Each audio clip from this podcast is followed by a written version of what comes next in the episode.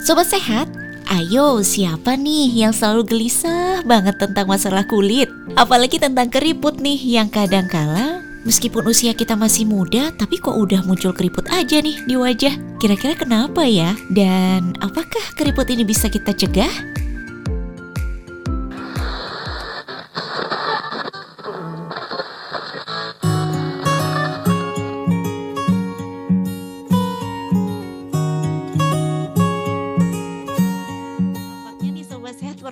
Keriput ini permasalahan sejuta umat nih. Barangkali sobat sehat gak hadir dengan ingin bertanya sesuatu gitu. Nah, boleh banget nanti selama satu ke depan kita akan berbincang uh, dengan narasumber kami yang luar biasa. Uh, ada Dr. Laili Nurkomariah, Master of Science, spesialis kulit dan kelamin.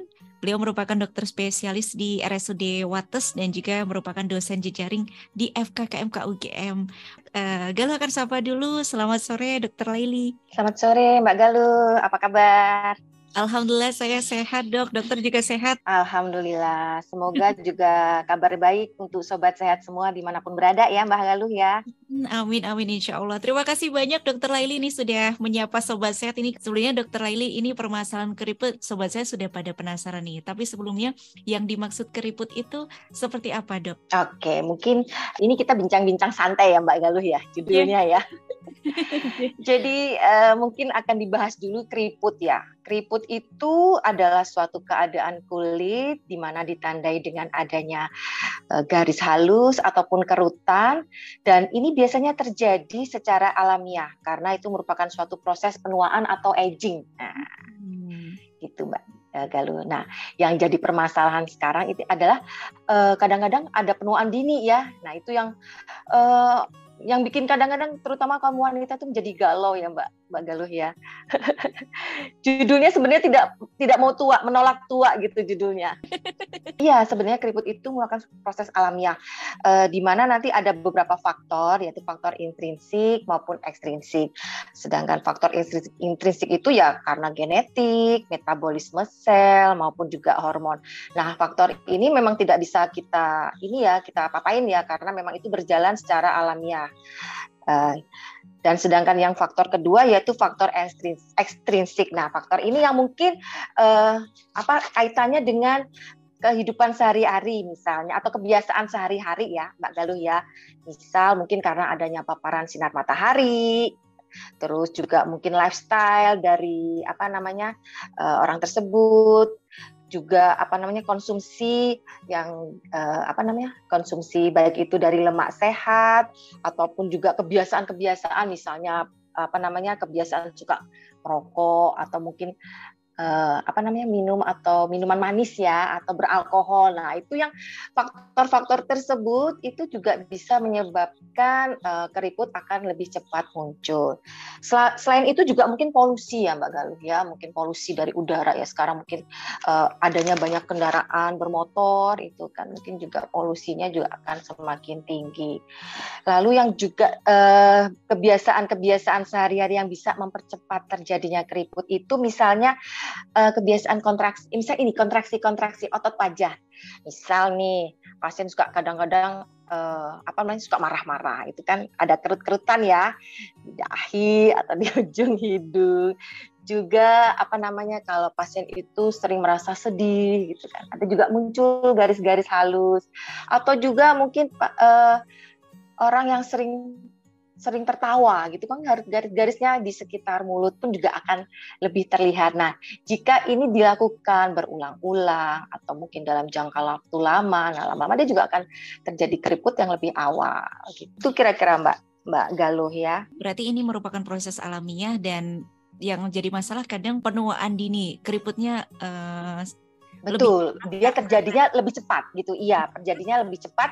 Uh, yang terjadi akibat tadi yang disebutkan kebiasaan-kebiasaan sehari-hari yang dilakukan, hmm. yang tidak bisa dipungkiri mungkin karena papar sinar matahari ya mau nggak mau kan ya kita kan setiap hari pasti akan terpapar sinar matahari atau UV ya. UV itu juga bisa dari uh, lampu juga bisa atau mungkin apa namanya sinar dari handphone. Gitu uh, dari laptop itu juga bisa juga terjadi paparan dari UV tersebut.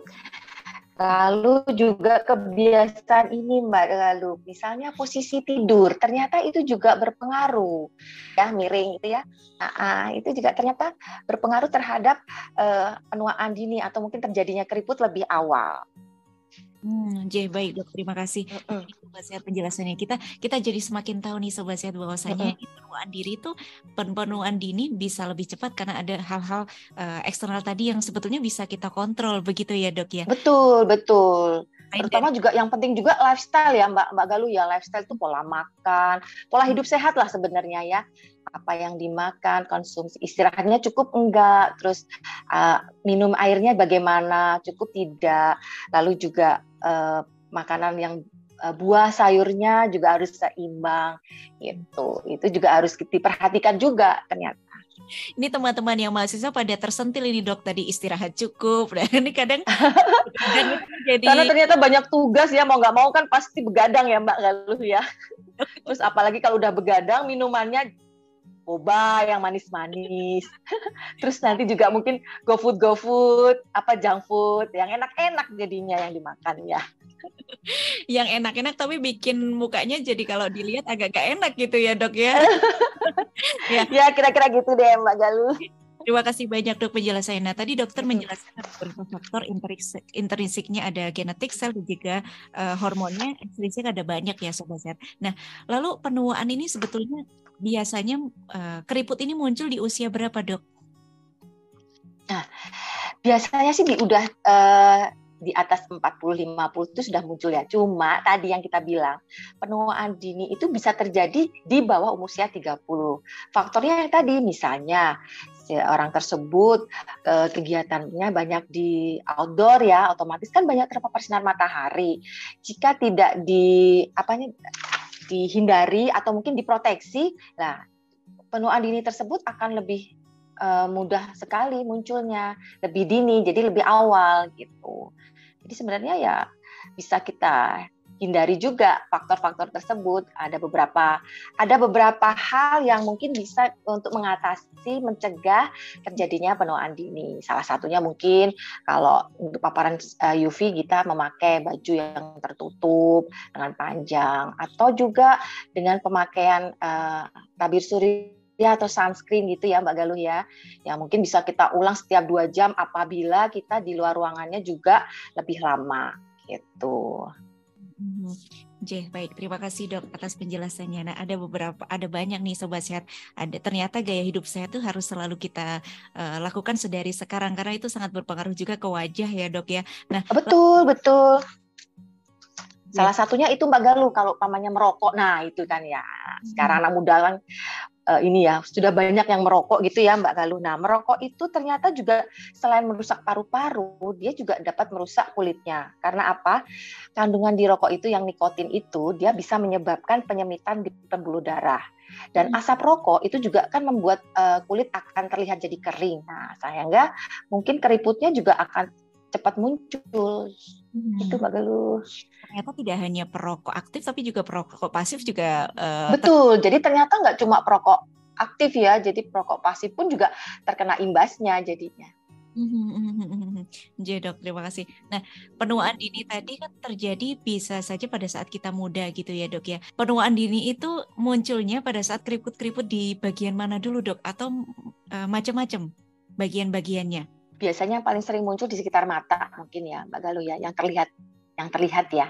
Ya hmm. itu. Jadi kalau udah udah terlihat keriput di sekitar mata berarti kita harus waspadai. Mungkin ada tindakan tindakan-tindakan tertentu untuk mengatasinya gitu. Kan karena kalau sudah terjadi keriput berarti kan kita sudah membicarakan bagaimana solusinya untuk menghilangkan keriput tersebut. Atau paling nggak mengurangi ya mengurangi agar keriput itu juga bisa uh, hilang atau mungkin berkurang gitu ya Mbak Oke dok. Nah ini sobat saya sudah uh-huh. nih ternyata faktor-faktornya ada banyak nih. Nah kiranya nih kita jadi menengok nih sobat sehat gaya hidup kita selama ini seperti apa? Apakah tadi juga hal-hal yang kita lakukan juga disebutkan oleh dokter Laili nih sobat sehat uh, istirahat cukup enggak, lalu makanannya kita jaga atau tidak, lalu juga apakah kita uh, menegakkan uh, olahraga atau tidur cukup itu ternyata sangat berpengaruh kepada wajah kita.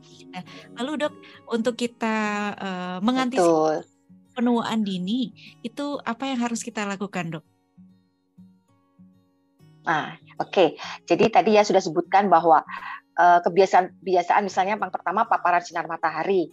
Berarti solusinya bagaimana kita melindungi dari paparan sinar matahari tersebut, yaitu dengan menggunakan baju yang tertutup, juga mungkin dengan memakai topi atau kacamata saat di luar ruangan. Uh, dan yang yang terpenting jadi yaitu penggunaan tabir surya atau sunscreen ya minimal SPF 30 dan bisa diulang setiap dua jam. Hmm. Gunakan juga pelembab wajah di mana kalau kulitnya kering itu nanti akan lebih uh, terlihat kerut-kerut di wajahnya. Dan yang penting juga yaitu lifestyle ya pola hidup tadi ya Mbak Galuh ya istirahat yang cukup, uh, minum air yang cukup juga, balance antara apa yang dimakan sayur dan buahnya juga gitu. Hindarilah makanan-makanan yang berlemak gitu. Terus tadi juga disebutkan juga untuk posisi tidur ya. Posisi tidur di mana posisi miring itu kan akan lebih menyebabkan cepat uh, keriputnya. Jadi kalau tidur mungkin dengan posisi yang terlentang. Lalu juga lakukanlah relaksasi wajah, misalnya dengan dengan senam wajah itu juga bisa kita lakukan. Harapannya jadi wajah tidak cepat keriput gitu ya. Misalnya dengan totok-totok wajah gitu. Lalu eh, tidak lupa juga kita harus rajin membersihkan wajah ya Mbak Galuh, misal sehari dua kali. Karena nanti tadi polusi-polusi atau polutan-polutan itu kan juga bisa menyebabkan eh, penuaan dini ya dan juga pilih kosmetik yang cocok dengan tipe kulitnya. Itu juga penting Mbak Galuh karena kalau namanya pemilihan kosmetik yang tidak pas atau tidak cocok di kulit wajah kita, biasanya nanti akan terjadi iritasi.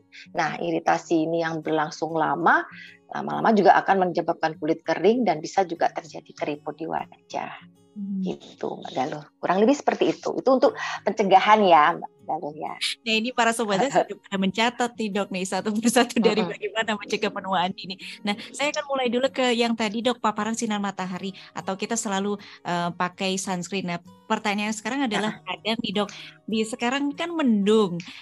Para sobat kan ragu pakai enggak ya? Apakah saya pakai sunscreen hanya saat kita melihat matahari saja atau pada saat mendung gini terus kita tahu di kantor juga di indoor juga tetap harus pakai atau seperti apa, Dok?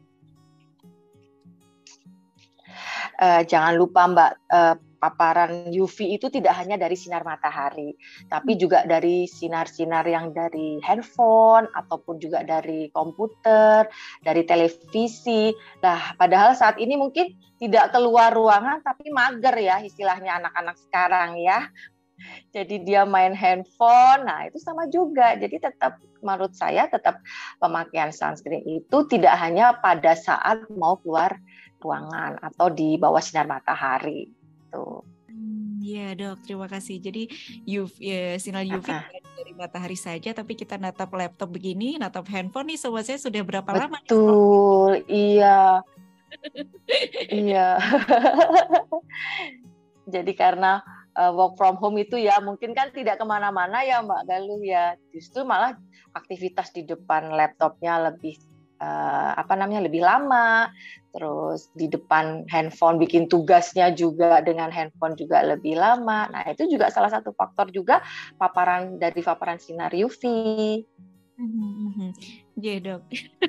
Lalu dok, apakah kalau sobat saya ini kan tadi dokter menyebut uh -uh kalau ada salah satu cara yang bikin kita mencegah penuaan dini adalah salah satunya sering-seringlah uh, bukan sering-sering tadi dok uh, rajin-rajin untuk membersihkan wajah dua kali sehari begitu ya dok ya? Nah dalam kita membersihkan ya betul. kadang kita menggosok-gosok kalau misalkan menggosok terlalu kencang apakah itu bisa berpengaruh ke cepat berkeriput juga dok?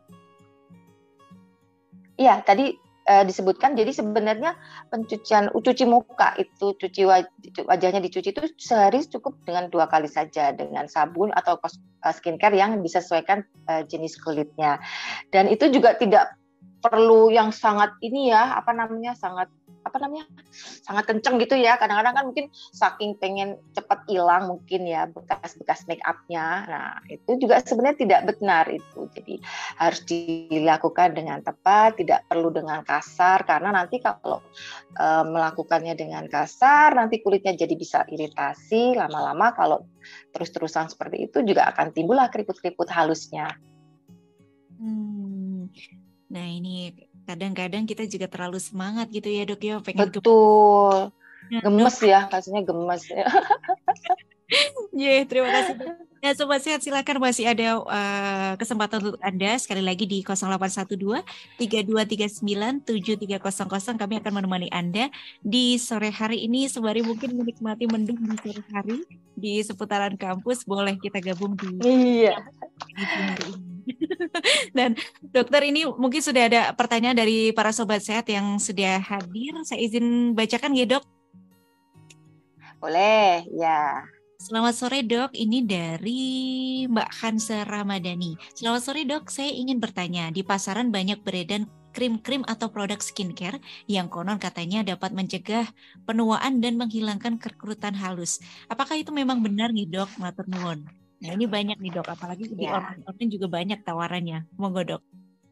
Ya, memang benar ya Mbak eh, Galuh, ada beberapa produk skincare yang misal kandungannya itu retinol ataupun juga uh, AHA ya, alpha hydroxy acid, itu juga bisa untuk mengurangi kerut-kerut di wajah. Cuma perlu diingat, ada beberapa produk misalnya tadi yang saya sebutkan retinol itu, kalau untuk kulit sensitif itu kadang-kadang rasanya tidak nyaman. Jadi pilihlah uh, produk kosmetik yang untuk mengurangi keriput itu yang disesuaikan dengan uh, jenis kulitnya. Kalau perlu konsultasikan ke dokter, jenis apa sih yang nanti yang bisa digunakan untuk uh, pasien tersebut. Gitu. Hmm. Apalagi kalau kita membelinya online, kita belum lihat wujudnya juga kadang kita takut salah. Nah, juga. iya betul. Uh, uh, iya.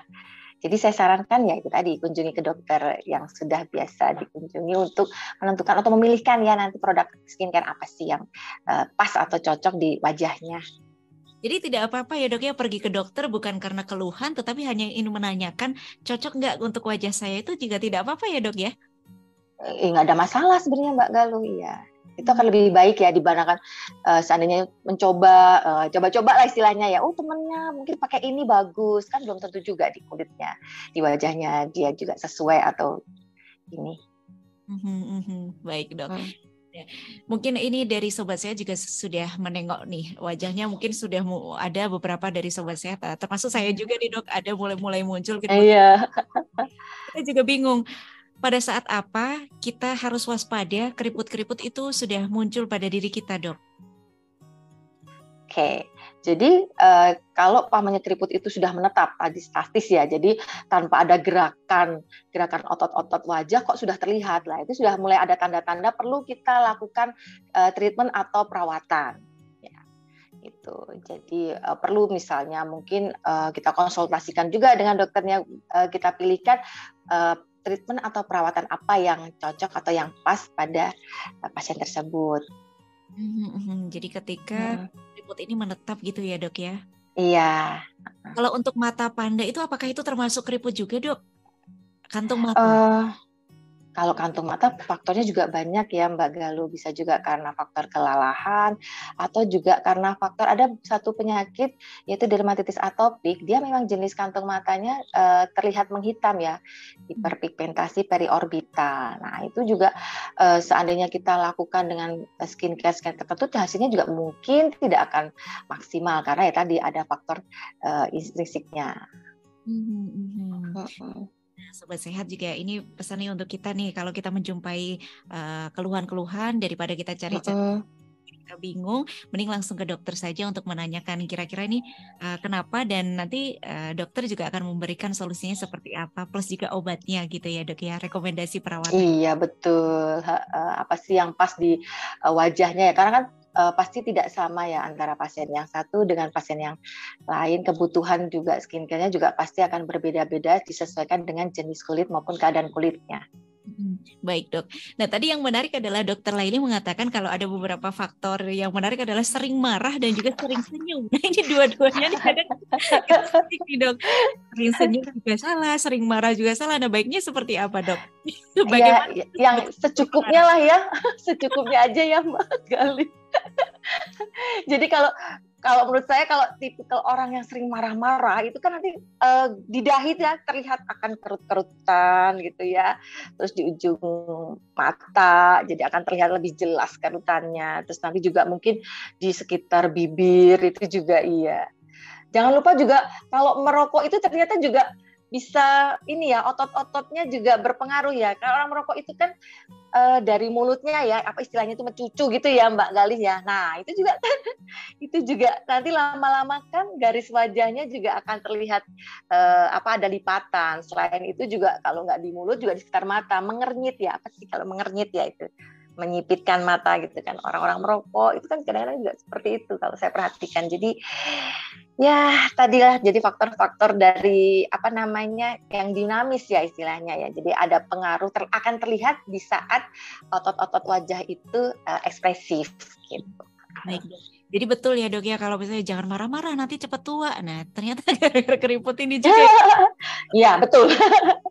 Makanya solusinya tadi salah satunya dengan merelaksasi wajah. Misalnya mungkin dengan totok-totok wajah gitu ya. Salah hmm. satunya sih begitu Mbak Dari. Untuk mengurangi tadi, kalau pamannya dia mungkin memang itu kan sudah ini ya, sudah watak mungkin ya. Jadi ya Jedok. Boleh nambahin sedikit nih Mbak Galuh terkait tadi ya eh, umur berapa aja sih sudah muncul keriput? Ya tadi ternyata uh, ada beberapa yang mengklasifikasikan. Misalnya jadi yang tipe 1 itu ternyata di umur 20 sampai 30 tahun itu sudah ada sedikit kerutan. Dan juga sudah ada sedikit uh, bercak-bercak kecoklatan mungkin bercak di wajah ya kalau kita perhatikan ya itu yang tipe 1. Sedangkan untuk yang tipe 2 itu biasanya terjadi pada umur 30 sampai 40 tahun. Saya tadi bilang ya sudah mulai terlihat ini ya. Di mana nanti uh, kerutan wajah itu sudah terlihat agak lebih dalam, lekuk senyumnya lebih dalam, kerutan kontraksi wajahnya misalnya tadi ya di sekitar mata, di dahi. Nah, itu yang tipe 2. Sedangkan yang tipe 3 itu di atas umur 50 tahun di mana kerutan itu muncul walaupun pada keadaan istirahat ya jadi walaupun uh, tidak melakukan gerakan atau otot-otot ekspresif sudah terlihat juga kerutan-kerutan di wajah itu dan akan lebih dalam dibandingkan yang umur di bawahnya. Lalu yang tipe 4 ini yaitu umur antara 60 sampai 70 tahun di mana itu hampir tidak ada kulit normal ya semua sudah keriput.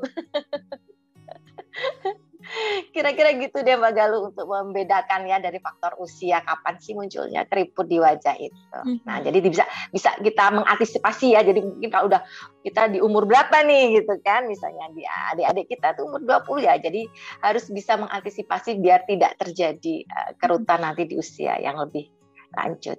Hmm, gitu, Mbak. Jadi ya. semakin semakin tua, semakin tua umurnya, semakin kita tidak perlu tidak perlu untuk menggunakan otot gerak kita, otot-otot wajah kita lagi untuk bisa muncul keriputnya ya dok ya. Iya, udah muncul sendiri. Jadi yang diantisipasi kalau sobat sehat ketika sobat sehat masih umurnya masih muda, tetapi sudah muncul keriput-keriput yang ada di tipe-tipe yang sudah lanjut ya, itu ya kita waspadai. Iya, ya. betul, betul. iya. Oke, terima kasih Dokter Laili. Dan sobat sehat, mm -mm. Eh, Terima kasih yang sudah mengajukan pertanyaan, sudah mengirimkan di WhatsApp. Izin saya akan bacakan satu persatu ya dok ya. Boleh. Ya, ini terima kasih banyak sudah bergabung. Selamat sore ada dari Ibu Kuswahyu Diati di Jogja. Selamat sore Ibu. Uh, terima kasih atas ilmunya Dokter Laili. Selamat sore. Tadi dokter mengatakan ada senam wajah. Nah, senam wajah ini seperti apa dan berapa kali sehari bisa kita lakukan? Water nuwun dok, salam sehat. Ah iya, jadi sebenarnya senam wajah ya kita merelaksasi ya, istilahnya merelaksasikan uh, otot-otot wajah ya, bisa dengan tekanan-tekanan tertentu seperti ditotok-totok wajah atau dengan uh, melakukan senam-senam mungkin uh, di apa namanya ditarik sedikit senyum gitu ya terus nanti di uh, mulutnya agak dimajukan gitu gitu. Terus apa namanya itu untuk di sekitar mulut ya, untuk di sekitar mata mungkin dengan apa merelaksasinya mungkin dengan ya agak apa agak melotot sedikit gitu ya, terus mungkin juga agak ditarik gitu. Jadi ini ya mungkin sehari cukuplah uh, sekali aja ya sekitar uh, 5 sampai 10 menit sudah saya rasa sudah cukup ya. Iya. Baik, Dok. Jadi sekali saja dan uh -uh. lakukan pada saat sendirian saja ya, Dok ya, tidak usah di depan Iya, orang. betul. Dan ini ternyata bisa kita lakukan mandiri di rumah ya dok ya, tidak perlu untuk kita uh, cari-cari uh, apa tutorial di YouTube ada banyak ya dok ya sepertinya. Mungkin iya, mungkin ada ya uh, bisa dicari mungkin di YouTube ya bagaimana teknik-teknik yang tepat ya karena mungkin ada beberapa kalau untuk totok wajah ya dari mana-mana aja yang harus dilakukan.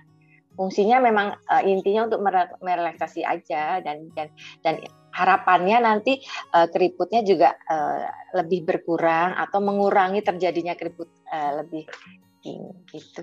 Oke, baik. Kira-kira. Ya, semoga untuk Ibu Kuswahyudiati semoga terjauh dan mungkin langsung mempraktekkan nih senang wajah yang ternyata bisa kita upayakan nih sobat sehat. Sederhana ternyata. Iya, iya betul. Baik, selanjutnya dok, ini dari sebentar ini ada dari sobat uh-huh. sudah banyak bergabung ini dari Mbak Rinda. Selamat sore dok, apakah bisa diceritakan ada apa uh-huh. saja perawatan untuk mengurangi keriput ya dok? Terima kasih. Oke, terima kasih Mbak Rinda pertanyaannya. Jadi mungkin akan saya jawab ya satu-satu. Untuk perawatan, jadi pertama tadi udah sebutkan ya pemakaian produk skincare yang tepat, yang ada kandungannya mungkin tadi salah satunya ada retinol atau uh, apa namanya AHA gitu ya, itu untuk mengurangi terjadinya keriput. Sedangkan untuk tindakan atau treatment, memang ada beberapa yang uh, yang salah satunya yaitu chemical peeling. Mungkin Mbak Galuh pernah dengar mungkin ya atau mungkin sobat sehat uh, di rumah juga pernah dengar yaitu mengoleskan larutan kimia di mana hasilnya nanti akan terjadi pengelupasan kulit harapannya nanti uh, kerut-kerutnya juga akan berkurang. Dan itu bisa dilakukan chemical peeling itu mungkin sebulan atau ya maksimal dua bulan sekali lah Lalu yang tindakan atau treatment yang bisa dilakukan misalnya dengan microneedling atau apa namanya derma roller. Jadi semacam kita bikin perlukaan di wajah di mana sebelumnya kita lakukan dengan anestesi dulu ya biar tidak terasa lebih sakit. Lalu nanti bisa kita oles atau kita aplikasikan dengan semacam serum di mana itu mungkin ada kandungan kolagen yang sehingga nanti dia bisa uh, men, apa namanya mempercepat atau terjadi per, e, pertumbuhan di serat kolagen itu yang fungsinya juga untuk mengencangkan kulit itu sendiri, Mbak Galuh. Tindakan selanjutnya mungkin pernah dengar dengan injeksi botok ya, botulinum toksin ya. Nah itu juga bisa dilakukan e, di mana nanti setelah kita suntikan itu nanti otot-ototnya tidak berkontraksi sehingga nanti kulit akan menjadi halus dan kencang. Lalu ada tindakan yang lain misalnya dengan filler atau memasukkan uh, sesuatu atau apa untuk mengisi ya filler untuk mengisi uh, di bawah kulit jaringan uh, lunak yang isinya mungkin cairan itu bisa dengan kolagen maupun dengan asam hyaluronat sehingga nanti keriputnya akan menghilang. Selain filler juga dengan skin booster juga sekarang lagi booming juga nih Mbak Galuh. Jadi uh, tidak di tidak terlalu dalam kita isinya, tapi hanya se, uh, sebatas di lapisan atas atau superficial. Saya juga biasa melakukan hal tersebut. Dan mungkin juga ada lagi yang uh, apa namanya dengan alat misalnya HIFU, yaitu maksudnya high intensive uh, focus ultrasound. Jadi semacam ada alat itu yang diaplikasikan ke wajah di mana dengan menggunakan energi ultrasound dia untuk mendorong produksi dari kolagen tersebut dan harapannya nanti wajah juga akan terlihat lebih kencang. Ada lagi tindakan yang lebih invasif yaitu misalnya dengan treat lift ya, mungkin ya tanam benang, mungkin pernah dengar uh, sobat saya di rumah. Jadi tanam benang itu juga untuk bisa mengurangi keriput tapi juga bisa untuk membentuk wajah nanti ya jadi lebih tirus gitu ya. Gitu. Ada juga yang lebih ini Pak uh, facelift itu apa namanya tindakan bedah kalau itu. Jadi memang kalau mungkin yang keriputnya sudah uh, banyak atau yang mungkin lebih dalam uh, tadi mungkin kita sebutkan tipe berapa tadi ya tipe tiga mungkin ya nah itu mungkin bisa dilakukan dengan teknik facelift jadi ditarik gitu kulitnya biar lebih kencang. Kira-kira gitu Mbak Rinda yang bisa saya sampaikan tentang beberapa treatment ya tindakan yang dilakukan untuk mengatasi keriput di wajah. Baik dok, ternyata tindakannya ada banyak dan macam-macam ya dok ya. Ter Betul. Uh, Tergantung tadi ya. Iya, maksudnya tipenya si keriput itu sendiri dan juga uh, lokasinya di mana gitu. Jadi kita bisa fokus untuk melakukan tindakan-tindakan tersebut. Mm-hmm, baik dok. Tentunya kalau untuk sobat sehat, uh, para ibu-ibu nih yang sudah mulai ke tipe-tipe 4 dan sebagainya ini juga tindakannya beda dengan yang penuaan dini ya dok ya? Betul, iya. Dok, seperti itu kalau misalnya tindakannya seperti itu berdasarkan pilihan dari dokter atau mungkin kita bisa memilih sendiri atau seperti apa, Dok? Proses uh, yang pertama kan kita kita diskusikan dulu ya. Kita yang jelas uh, kami sebagai dokter harus melihat juga ini keriputnya yang masuk tipe yang mana. Hmm. Lalu kita diskusikan dengan si pasien, kita pilihkan alternatif beberapa alternatif tindakan atau uh, treatment yang bisa dilakukan dengan kondisi uh, keriput pasien saat itu gitu. Jadi nanti kita diskusikan mana yang akan dipilih dulu nih gitu. Karena itu kan juga uh, butuh waktu juga ya kan, butuh biaya juga gitu kan. Mm-hmm. Iya terima kasih dok. Ada banyak ternyata sobat sehat. Semoga iya. Mbak Rinda ya. nah biasanya dok untuk ini kan uh, para sobat sehat ini kebanyakan mahasiswa nih dok. Kalau sudah menyumbang penuaan dini biasanya nih untuk perawatan yang bisa kita dilakukan itu apa dok? Ya umum biasanya orang anak-anak muda pada umumnya. Oh, maksudnya untuk perawatan harian di rumah atau bagaimana nih Mbak Kul? Kalau yang sudah sudah ke dokter begitu dok biasanya? Oh gitu. Kalau yang sudah ke dokter yang pertama kita dia harus kita tegaskan ke pemakaian skincare yang sudah kita berikan bagaimana ya kita uh, follow up dia juga harus kontrol lalu kita lihat uh, kita pilihkan mana dulu nih uh, tindakan atau treatment yang perlu kita lakukan. Biasanya sih saya akan mulai dengan tindakan uh, chemical peeling gitu. Kita lakukan rutin, mungkin sebulan sekali maksimal biasanya uh, bisa dua bulan sekali. Tapi kalau yang bagus ya sebulan sekali ya. Setelah itu kita follow up lagi, kita lihat, kita observasi. Uh, sekiranya pasiennya kok ngerasa masih kok kurang ya dok, berarti oke kita pilihkan tadi ada beberapa alternatif.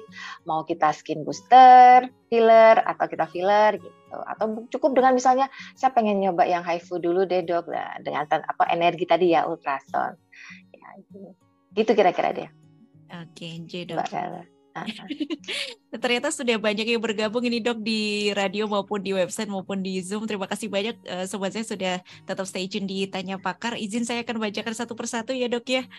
Boleh. Jadi ternyata banyak dari sobat saya yang penasaran nih atau mungkin agak-agak curhat juga nih jangan-jangan sobat saya. Ada Bisa sobat... jadi. Selamat sore uh, Raisa Radio. Perkenalkan saya Husna Faiza bertanya keriput itu bisa muncul di bagian tubuh mana saja ya dok? Apakah hanya di wajah atau mungkin di bagian tubuh yang lain? Terima kasih sehat selalu dokter Laili. Oke, terima kasih pertanyaannya. Nah, jadi memang keriput tidak hanya di wajah. Seperti tadi saya bilang ya di awal bahwa jika kita melakukan diet yang tidak konsisten, jadi mungkin tiga bulan pertama kita diet, habis itu obesitas lagi, diet lagi. Nah, ternyata terjadi keriputnya itu juga di badan bisa terjadi gitu. Jadi tidak hanya di wajah ya, karena mungkin misalnya ya kulitnya melar gitu kan, terus diet lagi, terus nanti berapa bulan kemudian dia melar lagi kan tidak konsisten tuh dietnya. Nah itu ter bisa terjadi tuh uh, apa kerut-kerut di kulit tuh. Dan kerut-kerutnya berarti beda dengan lipatan-lipatan ya dok ya atau lipatan itu kerut? atau beda dok? Uh, jadi memang uh, lipatan di mana dulu nih mbak? Jadi memang ada yang dibilang itu stretch mark itu beda ya mungkin ya nanti dengan yang ini ya dan hmm. keretan gitu. Hmm, dok, terima kasih. Nah, ternyata nih Mbak Usna sudah terjawab ya. Ternyata keriput tidak hanya di wajah saja, perlu kita waspadai dengan uh, melakukan diet yang ketat, tiba-tiba berhenti, lalu diet lagi itu juga sangat berpengaruh uh, untuk munculnya kerut-kerut yang ada di bagian tubuh kita gitu ya dok ya. Betul, iya. Dan ada juga ini dok pertanyaan dari sobat sehat yang sudah hadir. Kalau nah ini ada ada ada yang uh, tanya juga ini masih masih nyambung nih dok dari sobat sehat uh -uh. Mbak Ratna, terima kasih. Selamat sore dok, menarik sekali pembahasan sore hari ini. Senang menyimak Raisa Radio sore hari ini. Terima kasih Mbak Ratna. Keriput terima kasih Mbak Ratna di tangan atau di tubuh lainnya selain di wajah itu bisa diatasi dengan cara apa ya dok? Karena sejauh ini yang saya tahu produk atau perawatan keriput ini hanya untuk di wajah saja. Terima kasih dok. Oke, terima kasih pertanyaannya. Ya, jadi kita lihat dulu ya keriputnya seberat apa gitu ya. Kalau untuk yang di tangan terutama tadi ya pertanyaannya.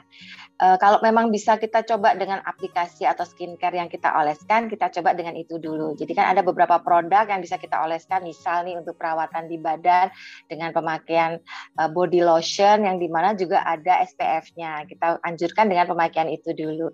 Lalu seandainya misalnya kok kerutnya masih terlihat, bisa kita tawarkan untuk ya tadi sama dengan treatment-treatment yang di wajah bisa bisa juga kita uh, apa namanya lakukan dengan chemical peeling jadi chemical peelingnya ternyata tidak hanya di wajah bisa kita lakukan di bagian tubuh yang lain juga gitu. Hmm, baik. Jadi kalau misalnya kita jumpai produk-produk di luar nih dok, emang kebanyakan itu uh -uh. untuk wajah. Tapi kalau kita ke dokter nih sobat sehat, kita jadi lebih tahu nih ternyata tidak hanya uh, wajah saja dan kita akan direkomendasikan perawatan-perawatan uh, yang pas untuk kita. Jadi sobat sehat nggak akan rugi kalau misalnya berkonsultasi ke dokter jadi lebih tahu dan pas nih bagaimana penangannya untuk tubuh kita. Nah, terima kasih banyak dok atas penjelasannya dan mungkin satu yeah. lagi pertanyaan terakhir ini dari sobat uh. tidak ada namanya. Terima kasih banyak. Selamat sore dokter, apakah benar kalau wanita ini lebih mudah berkeriput daripada laki-laki? Terima kasih dok. Sebenarnya ada benarnya juga karena tadi kalau dilihat faktor instruksi kan hormon juga berpengaruh ya salah satu hormon ya misalnya estrogen itu ya jadi juga berpengaruh bahwa kenapa kaum wanita itu akan lebih cepat keriput tapi sebenarnya tidak juga karena tadi uh, keriput juga kan ada faktor ekstrinsik yang lain misalnya dengan adanya paparan sinar matahari misalnya kaum uh, pria uh, banyak melakukan pekerjaan atau aktivitas di luar ruangan, misalnya di outdoor, itu juga lama-lama terpapar sinar matahari dalam jangka waktu yang panjang, itu juga bisa juga terjadi kerutan-kerutan atau keriput di wajah. Gitu. Cuma karena mungkin banyak yang mempermasalahkannya itu kaum wanita, jadi terkesannya jadinya uh, wanita akan lebih banyak dijumpai keriput gitu kira-kira. laki-laki juga banyak ya dok ya yang bisa marah tidak hanya perempuan saja laki-laki juga Betul. bisa tidak Karena tadi juga salah satunya juga merokok kan juga pasti banyak pria ya yang um, apa namanya um, melakukan hal tersebut. Jadi ya ya tadi saya bilang jadi sebenarnya hampir sama ya antara wanita dan pria. Cuma mungkin yang banyak mengeluhkan atau banyak yang ke dokter untuk permasalahan penuaan atau keriput ini kaum wanita gitu. Hmm, baik dok, ini sebenarnya ada yang laki-laki juga, tidak hanya perempuan dan semoga dengan kita kita menyimak tanya pakar bersama dengan Dokter Leli di sore hari ini kita jadi lebih aware nih tidak hanya yang perempuan saja laki-laki pun juga kita perlu menjaga aset tubuh kita ya dok ya. Betul karena pasien saya juga nggak cuma yang wanita aja karena udah mulai yang kaum pria pun juga mulai merasa perlu merawat uh, wajah terutama ya, Mbak. Ya. Terima kasih dok. Nah ini karena sudah di menit-menit terakhir kami mengucapkan terima kasih banyak dokter Ali sudah berbagi kepada kita semua tentang bagaimana kita mencegah penuaan dini pada tubuh kita. Banyak hal yang kita, dapatkan ya sobat dan itu setelah ini kita akan lebih aware lagi bagaimana menjaga kulit tubuh kita. Uh, terakhir mungkin dok, mungkin pesan untuk sobat sehat yang ada di rumah atau mungkin di radio atau di zoom untuk bisa menjaga kulit kita agar lebih sehat? Silahkan dok, terutama dari Oke, okay. iya terima kasih Mbak Galuh untuk sobat sehat di Matun berada. Uh, mungkin sekedar ini ini apa namanya uh, yang perlu diperhatikan ya atau clue dari uh, untuk mencegah terjadinya keriput uh, tadi sudah disebutkan juga lindungi uh, kulit dari paparan sinar matahari. Salah satunya tadi bisa uh, kita memakai baju yang tertutup, juga memakai pelindung misalnya payung atau topi atau kacamata dan juga gunakan sunscreen atau tabir surya uh, yang bisa diulang mungkin setiap dua atau tiga jam. Lalu juga gunakan uh, pelembab di mana nanti kulit kering itu juga bisa menyebabkan uh, terjadinya keriput lebih awal. Dan jangan lupa lifestyle tadi harus dibenerin atau pola hidup yang sehat ya. Jangan merokok, tidur yang cukup dan hindari juga minuman beralkohol gitu ya. Lalu posisi waktu saat istirahat atau tidur juga sebaiknya juga dengan terlentang. Dan lakukanlah tadi relaksasi wajah ya, mungkin senam wajah ya rutin uh, bisa dilakukan di rumah di saat uh, senggang atau uh, di saat uh, tidak uh, apa namanya tidak ada kegiatan yang uh, ini ya jadi bisa dilakukan di rumah apa pun di mana aja. Lalu juga uh, jangan lupa bersihkan wajah sehari dua kali dan pilih produk skincare yang disesuaikan dengan kondisi kulit. Dan yang terakhir mungkin jika ada masalah keriput segera hubungi dokter untuk penanganan yang lebih lanjut